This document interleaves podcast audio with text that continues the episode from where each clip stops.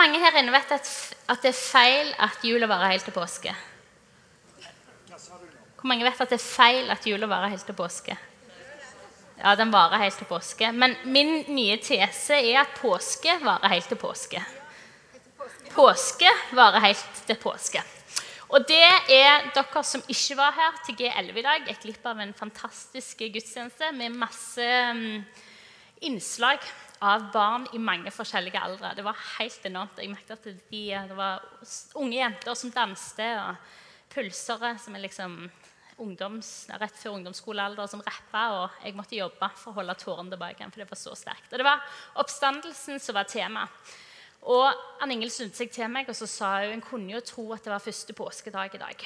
For så mye oppstandelsesfokus var det. Og det likte jeg, fordi selv om det ikke er første påskedag, så er det er jo første påskedag vi feirer. Hver eneste gudstjeneste. Hver eneste gang vi møtes. At Jesus har stått opp. At korset er tomt, og at graven er tomt. Og hvordan er resten av sangen? Jesus sto opp, og han lever. Det er akkurat det vi feirer. Er ikke det fantastisk? Ja, jeg vil bare at dere skal begynne med å fortelle hverandre at Jesus sto opp, og han lever.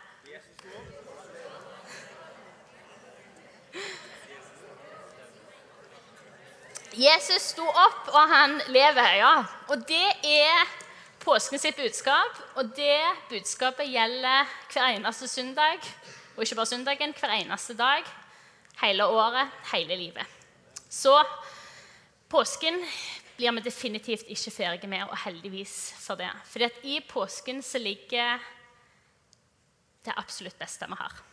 I oppstandelsen ligger det beste vi har. I, bestand, I, oppstandelsen så har vi kilden til all glede, alt håp, alt liv, all trøst.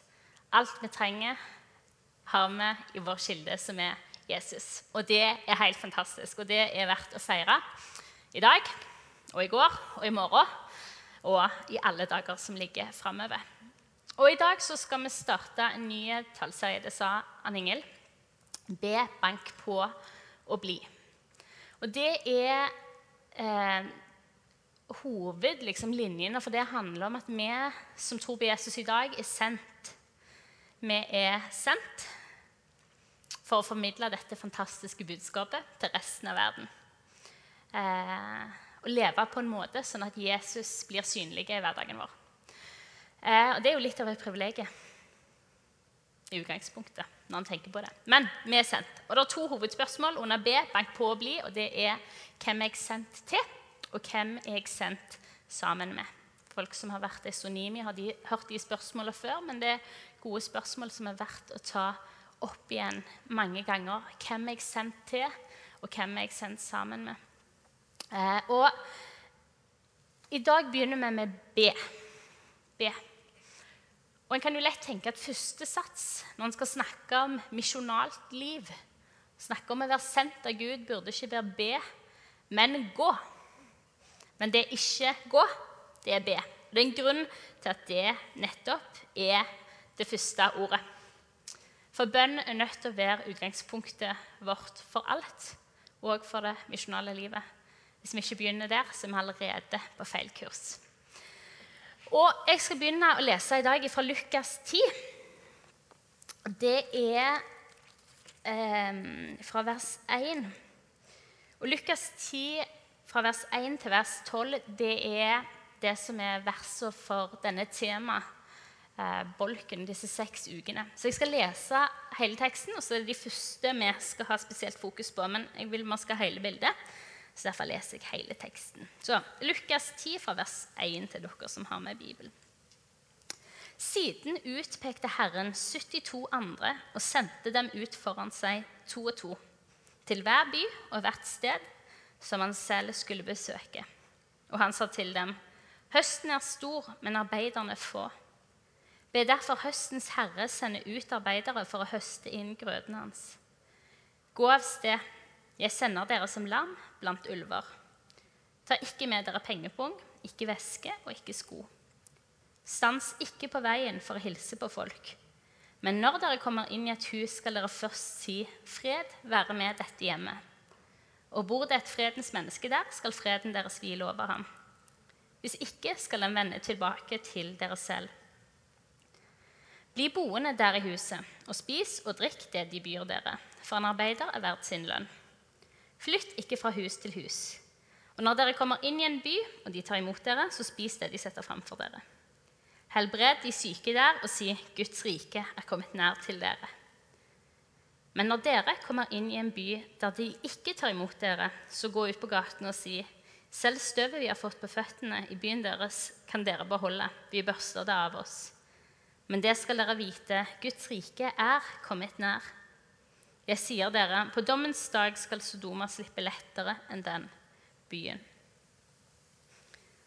Og så um, skal jeg lese de to første versene, som er hoved, um, hovedversene våre i dag. De to første. Siden utpekte Herren 72 andre og sendte dem ut foran seg, to og to til hver by og hvert sted som han selv skulle besøke. Og han sa til dem, høsten er stor, men arbeiderne få. Ved derfor høstens herre sende ut arbeidere for å høste inn grøden hans. Høsten er stor, men arbeiderne få. Det er fokuset i dag. Men som seg hører bør, så er utgangspunktet vårt Jesus. Og det er der vi òg skal begynne. Hvor mange av dere har hørt om et konsept som heter Missio Dei? Ja, se her, det er noen. Missio Dei. Noen som vet hva det betyr òg? Kom igjen litt høyere, Geir. Guds misjon. Jeg har nesten betalt han for å si det. Jeg mener han visste det av seg sjøl. Jeg er ikke sikker. Jo da. Guds misjon. Missio Dei betyr Guds misjon. Og det er et sånn konsept som Kirka Det er ikke et konsept fordi det er helt reelt. Det er ikke bare sånn noe de har funnet på. Det er noe som den verdensvide kirka har satt ord på. At misjon, det er Guds misjon. Misjon er ikke primært en aktivitet som Kirka gjør, men det er et kjennetegn med hvem Gud er. Gud er en misjonal Gud. Det er ikke Kirka som har et frelsesoppdrag å fullbyrde i denne verden. Det er Sønnen og Ånden som har et oppdrag gjennom Faderen, og vi som kirke er inkludert i det. Gud sender, han er på ferde. Vi får lov til å være med på det som han gjør. Henger dere med? Så det er Guds oppdrag. Og det er litt viktig at vi begynner der, for det er ikke noe som vi plutselig har kommet på at dette er veldig lurt å gjøre. Gud sender, han er med. Vi får lov til å være en del av det som han gjør. Og Hvorfor er dette viktig å vite? Jo, fordi det sier så enormt mye om hvem Gud er. Det sier så mye om hans natur. Guds absolutt tydeligste ønske er at folk skal få fatt i hvem han er, og hvilken godhet han har for hvert enkelt menneske som bor på denne kloden. Han ønsker at de skal få tak i at han har invitert dem til å komme helt nær til seg. Gud ønsker dette mest av absolutt alle. Og han er aktiv for at det skal bli en realitet. Og så inviterer han heldigvis oss til å være en del av det. Men det begynner hos Gud og med hans lengsel. Henger dere med så langt? Ja, bra. Så går vi tilbake til Lukas-teksten som eh, jeg leste. Eh, og jeg merker at jeg fascineres når jeg leser den teksten. For altså, utgangspunktet er, Det er jo en misjonstekst vi leser. Jesus som sender ut sitt folk. Og så står det at han sender dem ut til steder som han sjøl skal besøke. Han sender dem på et vis ut som fortroppen til hvor han sjøl skal komme. Gå først, og så kommer jeg etter. Og så sier han høsten er stor, men arbeiderne få. Med andre ord, det er mange som er klar til å ta imot Jesus, men det er ikke mange som er klar til å dele evangeliet. Og jeg kan kanskje tenke at Den naturlige følgen av å høre de ordene Jesus sier, 'Høsten er stor, men arbeiderne få', burde være 'Gå, spring, fortell, gjør, skynd deg'. Høsten er stor, men arbeiderne få. Men første del av oppdraget er be.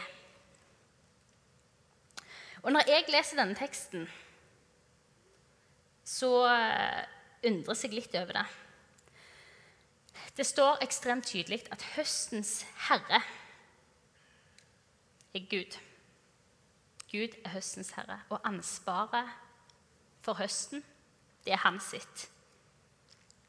Og likevel så står det Be han om å sende ut flere arbeidere. Hvorfor i alle dager spør han om det? Hvorfor fikser han det ikke bare sjøl? Hvis han er høstens herre, dette er hans oppdrag, han har ansvar for det, hvorfor ber han oss om å be?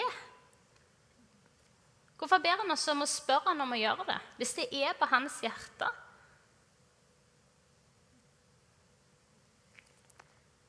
Jeg tror det er et veldig enkelt svar på hvorfor han gjør det. Jeg tror det enkle svaret er han har inkludert oss i oppdraget sitt. Det er hans oppdrag, men vi spiller en vanvittig betydelig rolle. Og På veldig sånn forunderlig vis har han bestemt seg for at i dette oppdraget, dette mitt livs store lengsel, så vil jeg bruke dere. Og når han snakker om at han vil bruke oss, så er det ikke snakk om sånn til pynt-bruking. Eller litt sånn jeg sa, pusekattbruking tidligere i dag. Eller bare sånn lykkeønsking-bruking. At vi er litt sånn fill-in-bruking som han vil ha oss til. Nei. I den teksten så ser vi så tydelig at vi har fått kraft, og vi har fått autoritet til å gå med det oppdraget som han gir. Og bønn er en del av det. Og med det så følger det òg et ansvar. Fordi at våre bønner har kraft til å skape. Fordi vi vender dem mot Han. Vi gir Han rom til å handle. Henger dere med? Han kunne gjort det sjøl, men han velger å gjøre seg avhengig av oss. For at vi skal vende blikket vårt mot Han, for at vi skal vende fokuset vårt mot Han og åpne opp for Gud. Du er nødt til å handle på dette. Det er et mysterium at han har gjort det, men tenk så fantastisk det er for oss at det er tilfellet. Jeg har ofte tenkt at hadde vi visst hvor mye eh, kraft det var i bønn, så hadde bønnelivet, i alle fall mitt, sett ganske annerledes ut. Så det er kanskje første lærdommen, som egentlig er en parentes på sida. Litt sånn Gud, du må åpenbare for meg hvor mye kraft det egentlig er i bønn. Hvorfor det er poeng å bruke tid på å be i det hele tatt. For om igjen og om igjen i Bibelen så ser vi oppfordringen om å be og bruke tid i bønn, nettopp fordi det er en vanvittig kraft i det. Vi skal se enda mer på det etter hvert. I Lukas-teksten så leser vi 'be'. Be høstens herre. Og Det greske ordet for bønn som brukes her, er 'deomai'. Og Det følges opp med det greske ordet 'hopos', som betyr 'slik at'. Og de to henger sammen. Be sånn at. Handling konsekvens. Bønn skaper bevegelse. Gud ber oss ikke om å be bare for å bruke tida vår på et eller annet. Han ber oss om å be fordi det skaper noe. Be sånn at. Be sånn at dørene for dette åpnes. Henger dere med? Be sånn at de henger sammen. Vi ber ikke for å koseprate, vi ber ikke for å fylle tida vår med noe. Vi ber fordi at noe skjer når vi ber. Bønn er kraft, og Jesus påpeker det. Og Han viser disiplene at deres bønner har en konsekvens for hvordan dette utarter seg. Bønn har en konsekvens for hva Gud gjør. Gud lytter til oss, og han handler på det. Ikke alt, han er ingen brusautomat, men dere skjønner hva jeg sier. Gud er opptatt av å lytte til oss. Han handler på det. Gud ber oss om å be fordi at det skaper. Gud ber oss om å be fordi at det beveger Han. Og vi ber for å bevege Gud, vi ber for å bevege våre egne hjerter, og vi ber for å bevege omgivelsene våre. Og folkens, Det er det ingenting nøkternt med. Vi ber for å bevege Gud, vi ber for å bevege hjertene våre, vi ber for å bevege omgivelsene våre. ikke det enormt? Det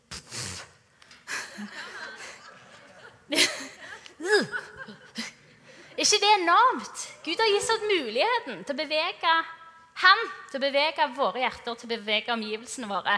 Det burde på den ene sida fylle oss med en vanvittig entusiasme. Og så burde vi òg tenke at det er egentlig litt alvorlig. Men det er en mulighet. Vi skal fokusere på at det er en mulighet her i dag. En vanvittig mulighet. For hvorfor i alle dager skal vi be? Vi skal be fordi at alt starter med bønn. Det er en som har sagt Nå skal jeg lese. Hvert mirakel som skjer, er litt som slektsforskning. Hvis du sporer miraklene hele veien tilbake til begynnelsen, så finner du bønn. Jeg skal lese det en gang til. Hvert mirakel som skjer, er litt som slektsforskning. Hvis du sporer miraklene hele veien tilbake til begynnelsen, så finner du bønn. Bønn er utgangspunktet. Og bønn er òg utgangspunktet i det misjonale livet. En har sagt at misjon fødes i bønn. Et liv i misjon det fødes i bønn. Og bønn må være startpunktet. Hvis vi bare skal ha et sånn kjapt overblikk over, over bibelmaterialet på det, så ser vi at bønn var helt sentralt i Jesus' liv. Stadig vekk så trakk han seg vekk for å be, for å bruke tid i lag med Gud. Det var ikke noe som han bare gjorde i svært spesielle anledninger. Det var noe som var en rytme på livet hans. Det gjennomsyra hans offentlige virke. Det er jo et faktum at uh, før han begynte sitt skikkelig offentlige virke, så begynner det først med dåpen. Han blir døypt. Og så er han 40 dager i bønn og faste i ørkenen. Han er sendt. Han er på vei mot korset. Men det første som skjer, 40 dager bønn og faste. Hvis det var viktig for Jesus, kan det være det var viktig for oss òg. Det første som prioriteres før han begynner. Eh, og Når vi leser i Apostlenes gjerninger, så leser vi òg mye der eh, om hvordan bønnen er et tydelig fundament for deres liv, de første kristne. Og Det syns jeg er interessant, for Apostlenes gjerninger er jo nettopp eh, historien som forteller oss om hvordan de første kristne reagerte på misjonsoppdraget som de fikk. Sant? Evangeliene slutter med at Jesus sier 'gå', og så ser vi i apostlenes gjerninger hva responsen deres var på det. Og Der ser vi òg flere ganger igjen og igjen hvordan bønn det er en nøkkel og et fundament for det oppdraget. Bønnen er DNA-et. Bønnen er det som bærer. Og Det er det samme som vi ser i Lukas 10-teksten. Oppfordringen om å be det er ikke bare fill-in. Det er ikke noe som kan være oppmuntrende en gang iblant eller det siste halmstrået om en ikke har noen ting annet å ty til. Bønn er fundamentet. Det er utgangspunktet. Det er ikke et 'hvis du vil' eller 'om nødvendig'. Det er be. Gjør det. La det være retningsgiver for resten. Corey Ten Boom, hvor mange av dere har hørt om hun? Ja, det var noen. Hun er en av mine helter. Er dere får google henne når dere kommer hjem. dere som ikke har hørt om det. Corey Tenboom. Hun har sagt er bønn rattet eller reservehjulet ditt? Er bønn rattet eller reservehjulet ditt? Jeg tenkte ah, når jeg leser det, det setter seg litt i magen. Det er viktig for meg å høre òg. Er bønn rattet eller reservehjulet mitt? Bønn har aldri vært meint til å være salderingsposten det som vi tar med, om vi kanskje skulle finne tid til det. Men apropos til det er at uh, Martin Luther Noen som har hørt om han? noen, han sa jeg har så mye å gjøre at jeg skal bruke de tre første timene i bønn. Jeg har så mye å gjøre at jeg skal bruke de tre første timene i bønn. Det syns jeg er fint. Bønn er ikke salderingsposten vår. Bønn er rattet vårt. Det er det viktigste vi setter av tid til, spesielt hvis vi ønsker å leve misjonalt. Og hvorfor i alle dager er det det? Det er fordi bønn er relasjon. Bønn handler ikke om plikt. Bønn handler om å vende blikket sitt mot Jesus. Å be og skape rytmer på det er gjerne noe vi er nødt til å øve oss i, og det er helt ok. Men det er ingen prestasjon for Gud det er en invitasjon. Vi er ikke meint til å skulle kunne klare oss uten bønn. Og jeg syns det er så flott i misjonsbefalingen. Jesus gir dem det enorme oppdraget. Gå ut og fortell hele verden hvem jeg er. Og så avslutter han med 'Jeg er med dere alle dager inn til verdens ende'. Dette oppdraget jeg er med. Oppdrag, relasjon, de er nødt til å gå i lag. Fordi at vi går ikke alene, for utgangspunktet for dette oppdraget det er Gud. Han har ikke sendt oss ut, og så får vi komme tilbake og rapportere. Han er med. Og Derfor er bønn viktig. Fordi at oppdraget er gitt sammen med løftet om relasjonen. Fordi vi går i lag med Jesus. Vi kan samtale. Vi kan be. Vi kan lytte til hva han sier om retning, om veivalg, om tidsbruk, om relasjoner. Og dele livet i lag med han. En annen mann, Ole Hallesby, har skrevet en klassiker av ei bok som heter 'Fra bønnens verden'. Og Der er mantraet hans i den boka så enkelt som å be er å lukke Jesus inn. Å be er å lukke Jesus inn. Jesus banker hele tida på. Bønnen er inn og si, 'Kom inn, vær en del av det.' Jesus, tal til meg, sånn at jeg får være med på det som du gjør. Og Det er jo litt befriende å tenke at å leve i misjon og leve et misjonalt liv ikke handler om å være litt ekstra ivrige kristne, men å bli en del av det som Gud gjør i vår verden. Med å la bønn være startpunktet så sikrer vi at det er nettopp det som er vår posisjon. Jeg sier det en gang til. Er dere med? Å leve i misjon i vår hverdag er ikke å være litt ekstra ivrige kristne, men å bli en del av det Gud gjør i vår verden. Med å la bønn være startpunktet sikrer vi at det er nettopp det som er vår posisjon. Misjon og å leve misjonalt er ikke å ta oppdraget og springe av gårde og gjøre mest mulig på egen hånd. Når jeg hører misjon, så kan jeg fort tenke strategier og alle ting jeg skal gjøre, alle menneskene som jeg skal treffe. og sånn. Men hvis dette blir utgangspunktet, så er jeg allerede på feil kurs. For misjon er å gå i lag med Jesus inn i det som han har kalt oss til. Og bønn er en del av det jeg kaller.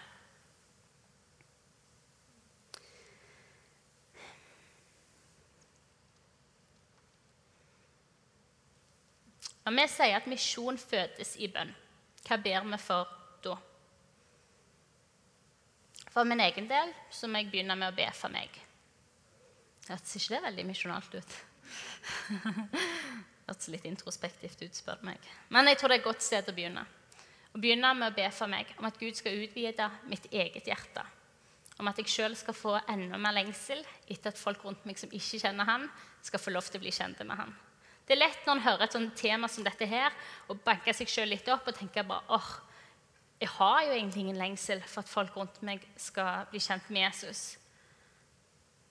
Nei, det er helt ok. Da har du et glimrende utgangspunkt for at Gud kan gjøre noe med hjertet ditt. Jeg ber den bønnen stadig vekk. Jeg tror det er en bønn som er god for oss å be stadig vekk. Om at Gud stadig vekk skal utvide vårt hjerte.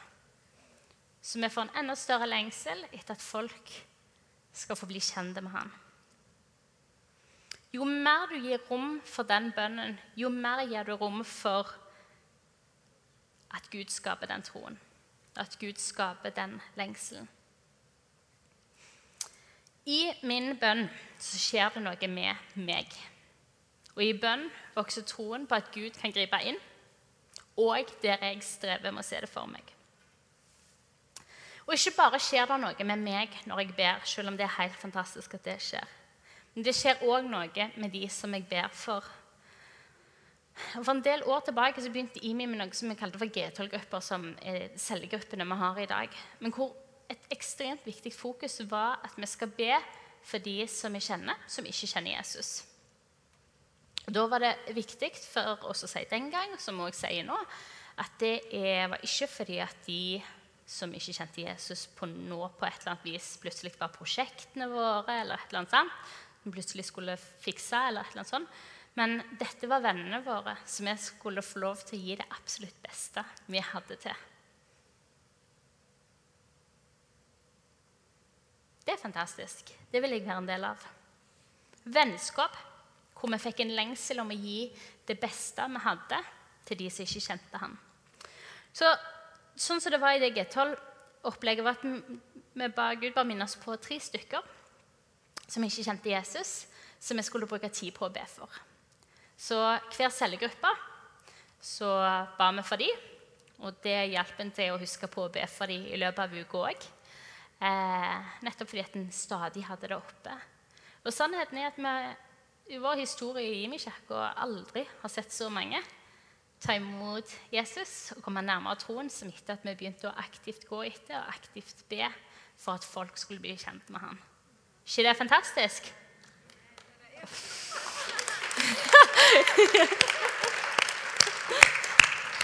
Det er fantastisk, altså. Ja.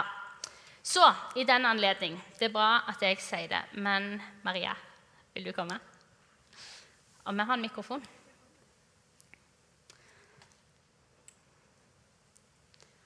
Veldig bra. Er det lyd på den òg? Yes. Ja, jeg trengte ut du som skal få den. Maria, kan ikke du dele litt om um, din historie med akkurat det som har med bønn å gjøre? Ja.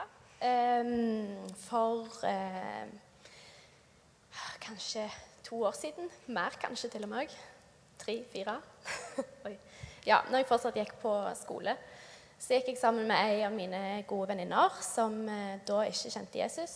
Um, som kom og fortalte meg at uh, Eller som jeg visste sto oppe i en vanskelig situasjon som uh, krevde veldig mye av henne og tok mye krefter, som hun tenkte mye på. Uh, og så var det en dag hun fortalte at hun var spesielt urolig, hadde mye å tenke på, og denne situasjonen var vanskelig. og så, så tenkte jeg bare, eller jeg kjente bare at hun må kjenne den freden som jeg vet at, at Gud kan gi i de situasjonene der der det ikke er logisk at du skal kjenne fred. Mm. Uh, så tenkte jeg at hvis, hun skal, hvis, hun skal, få fred i denne situasjonen, så må den komme fra Gud. Uh, og så tenkte jeg Og det er visst jeg som må som må fortelle henne om den og, og dele den med henne. Så jeg spurte om jeg kunne få be for henne, og det fikk jeg lov til. Så jeg uh, satte meg nærmere med henne, og så jeg og, og ei til venninne så ba vi for henne. og ba om at eh, Gud skulle komme med sin fred i en situasjon som var alt annet enn fredelig. Mm. Eh, og vise henne eh, hvem han er, og hvem han ville være for hun der og da. Mm. Um, og det um, gjorde et inntrykk på hun der og da. Og har, hun har jo i ettertid fortalt at det, uh, det var en fred som bare senka seg over henne, og, og, gjorde at hun kunne stå i den situasjonen på en annen måte. Uh, at hun kunne, ja slappe av i en uh, lite avslappende situasjon. Mm. Tok hun imot Jesus der og da? Nei. Nei? Hva skjedde etter denne situasjonen? Um, jeg husker ikke helt om det var før eller etter, men vi, vi begynte i alle fall på alfakurs sammen. Mm -hmm. Det var kanskje mens vi gikk der, eller uh, litt før. Men uh, uh, vi gikk, begynte på alfakurs sammen, og um, um, snakka en del sammen. Og Eller kanskje vi ikke snakka så mye når jeg tenker meg om, men vi bare Ja. Mm. Um, og så etter hvert så, så um, begynte hun i cellegruppa sammen med meg og, og, tok imot Jesus etter eh, en prosess. Mm. Er ikke det fantastisk?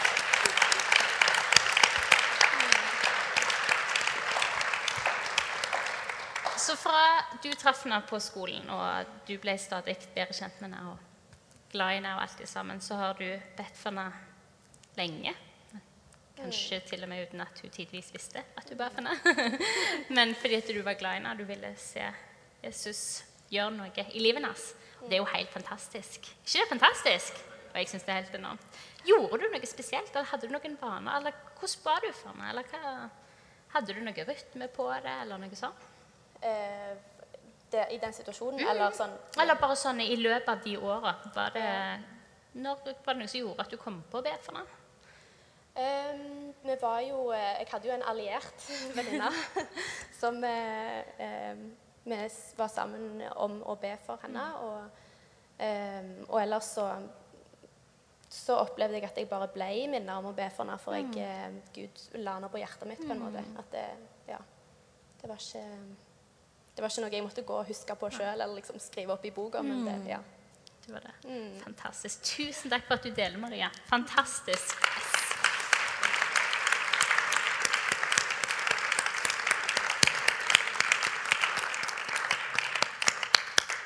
Astrid, vi er så glad for at du er en del av familien. Yes, det er helt sant. Jeg syns det er så nydelig å høre um, den historien. Er ikke det fantastisk? Jo, det er enormt.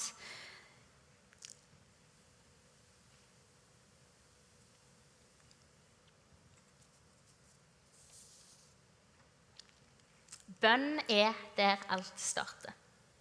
Bønn er kraft, bønn er relasjon, men hvordan i alle dager blir det en del av hverdagslivet vårt? Jeg skal være veldig konkret helt til slutt. Og jeg har prøvd å holde to ting sammen. For at bønn skal bli en del av hverdagslivet vårt, to ting. På den ene sida å ha bønn som rytme i hverdagen for å invitere Jesus inn der. For å være kobla på han, sånn at han kan tale eh, om hva som ligger foran i denne dagen, og gi meg det jeg trenger for å være disippel. Og på den andre sida å finne vaner for bønn hvor jeg ber konkret for mine gode venner som ikke har blitt kjent med Jesus ennå. Sånn som det ble for oss med G12 her i IMI, så tror jeg nettopp det at vi har et fokus på det, det endrer hjertene våre. Og det skaper noe i de som vi ber for. Så når jeg tenkte på dette her Hvordan gjør vi dette til en del av hverdagen vår? Så tenkte jeg jeg må spørre noen av mine gode venner om hva de gjør for at bønn skal være en del av hverdagen deres. Og helt ærlig, Jeg ble så inspirert, jeg ble så utfordra når disse her meldingene begynte å tikke inn, at jeg eh, fikk mange gode ideer til hva jeg har lyst til å gjøre av endringer i eget liv. Så jeg kunne ha skrevet ei bok med alle de forslagene jeg fikk inn. Så jeg har valgt ut noen. Og det jeg vil du skal gjøre, at jeg skal lese opp ganske mange av disse her, om hvordan gode folk som jeg kjenner i forskjellige livssituasjoner, gjør for at bønn skal være en del av livet deres. Og mens jeg gjør det, så vil jeg at du skal tenke på er det noe med denne, eh, eller med de punktene som jeg nevner, så du tenker dette, dette vil jeg ta tak i. Dette vil jeg gjøre til min vane òg. Er dere med meg på det? Så jeg leser, og dere hører. Og så skal dere finne ut av hva i alle dager kan bli liv for dette for meg. Hun ene sier Dagen blir alltid litt bedre når jeg har Mac-en nær badet med lovsang om morgenen. Ber i bilen kvarter til jobb. Takker mye. Har begynt med lista over de jeg ber fast for. Hurra for den daglige disiplinen. Og så avslutter vi med Men mest av alt er det en samtale som går gjennom hverdagen med små kommentarer utallige ganger gjennom en dag. Det er mer en relasjon enn en aktivitet. En annen sier 'Jeg har min bønnestund om morgenen'. Setter klokka og står opp tidlig. Går ned i kjelleren og setter på lovsangsmusikk på full guff. Setter på alarmen på mobilen, så jeg skal slippe å følge med på tida. Ber høyt for å ikke sovne. Ber mye i tunger fordi jeg ikke har ord for alt. Lytter til hva Gud har å si. Føler at denne rutinen gir meg rett fokus for dagen og for jobben. En annen sier jeg har rytme på når jeg ber. Jeg har valgt ut tre skrevne bønner som jeg har lagt inn på telefonen. Prøver å få bedt én om morgenen, en midt på dagen og en på kvelden. Ellers så ber jeg med ektefelle etter at vi har lagt oss om kvelden. Og så har jeg faste ting som jeg ber med sammen med sønnen min når det er jeg som legger han. Hun sier for meg er det best å ha faste tidspunkt eller be sammen med noen. Da blir det gjort. En annen sier jeg ber i tunger eller ber når jeg går tur eller gjør andre ting. Når jeg jogger. Eller når jeg våkner, så inviterer jeg Jesus til å være en del av dagen. Sier god morgen, velkommen. Eh, det er jeg som sier, for meg har det vært viktig å finne tre stykker å be for. Og sette av et fast tidspunkt på døgnet hvor jeg ber for disse. Og Et godt tips kan være å ha gjenstander som minner om personer en vil be for rundt seg, som blir minnet på det når en ser dem. En har sagt jeg legger inn bønneemner eh, i kalenderen på mobilen med forskjellig gjentagelsesfrekvens. Det hender òg at jeg legger inn på klokkeslett på dagen som en hjelp. En har sagt jeg følger Imi sin leseplan, og så spør jeg Gud hva har du for meg i dag i det jeg leser. Spør Gud om ting både for dagen og ellers, og skriver ned det jeg får. Så det er en som har sagt Jeg har ikke betalt ham for å si dette her. Jeg velger å gå på bønnemøtene før gudstjenestene på søndagen. Syns jeg var et godt tips. En har sagt jeg bruker bibelvers og bønner i Bibelen når jeg ber. Jeg ber for de jeg skal treffe i løpet av dagen, og ber om at jeg skal få være til velsignelse og få vandre i ferdiglagte gjerninger der hvor jeg er. Og ber om at jeg skal bli ledet av Gud i hverdagen min. En har sagt jeg bruker bønnebok som jeg skriver ned bønneemner i, og med svardato når jeg får bønnesvar. Andre ting som er blitt sagt, er jeg ber for de som ikke kjenner Jesus, når jeg pusser tennene. Jeg ber for de som jeg har bestemt meg for at jeg vil be for når jeg sitter på bussen. Eller jeg ber for de som ikke kjenner Jesus, som jeg ber for når jeg tar turen fra parkeringsplassen til jobben. En har sagt jeg ber hver kveld før jeg sovner, for de som ikke kjenner Jesus. Solvår delte i formiddag hvordan hun, når hun ba for naboene i sitt nabolag, at hun ba for dem hver gang hun gikk til postkassen. Hun ba for hvert, hver av naboene i området. Utfordringen er å be Gud om å vise deg hvem du skal be for spesielt. Og det er en god utfordring. Han elsker de folka som er rundt deg, langt mer enn det du gjør. Lytt til han for de.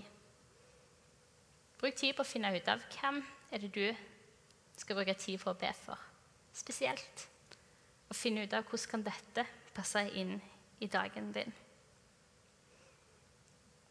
Et sitat til slutt. D.L. Moody har sagt den som kneler mest står best. Den som kneler mest, står best. Det syns jeg er nydelig. Bønn er utgangspunktet for livet, og spesielt for livet i misjon. Vi reiser oss.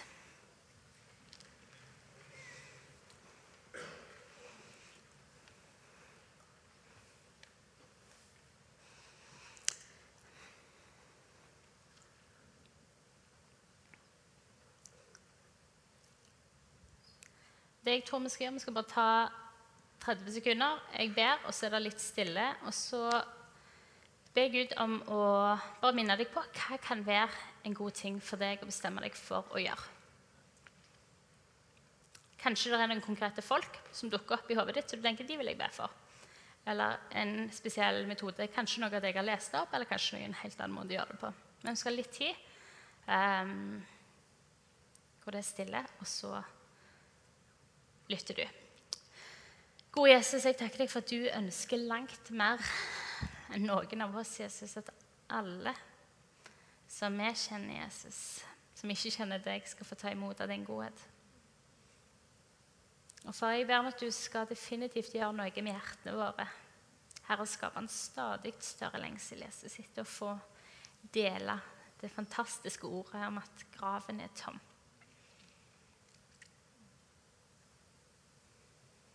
Jesus, jeg takker deg for at bønn ikke bare er tidsfull, Jesus, men at bønn er kraft. Og du har gitt oss et oppdrag. Og for Jeg ber om at du skal bare tale til oss som folk vi spesielt skal be for. Og Gi oss så konkrete innspill på hvordan det kan se ut i vår hverdag. Du kjenner vår hverdag. Du ser hva som funker for hver enkelt av oss som er her inne.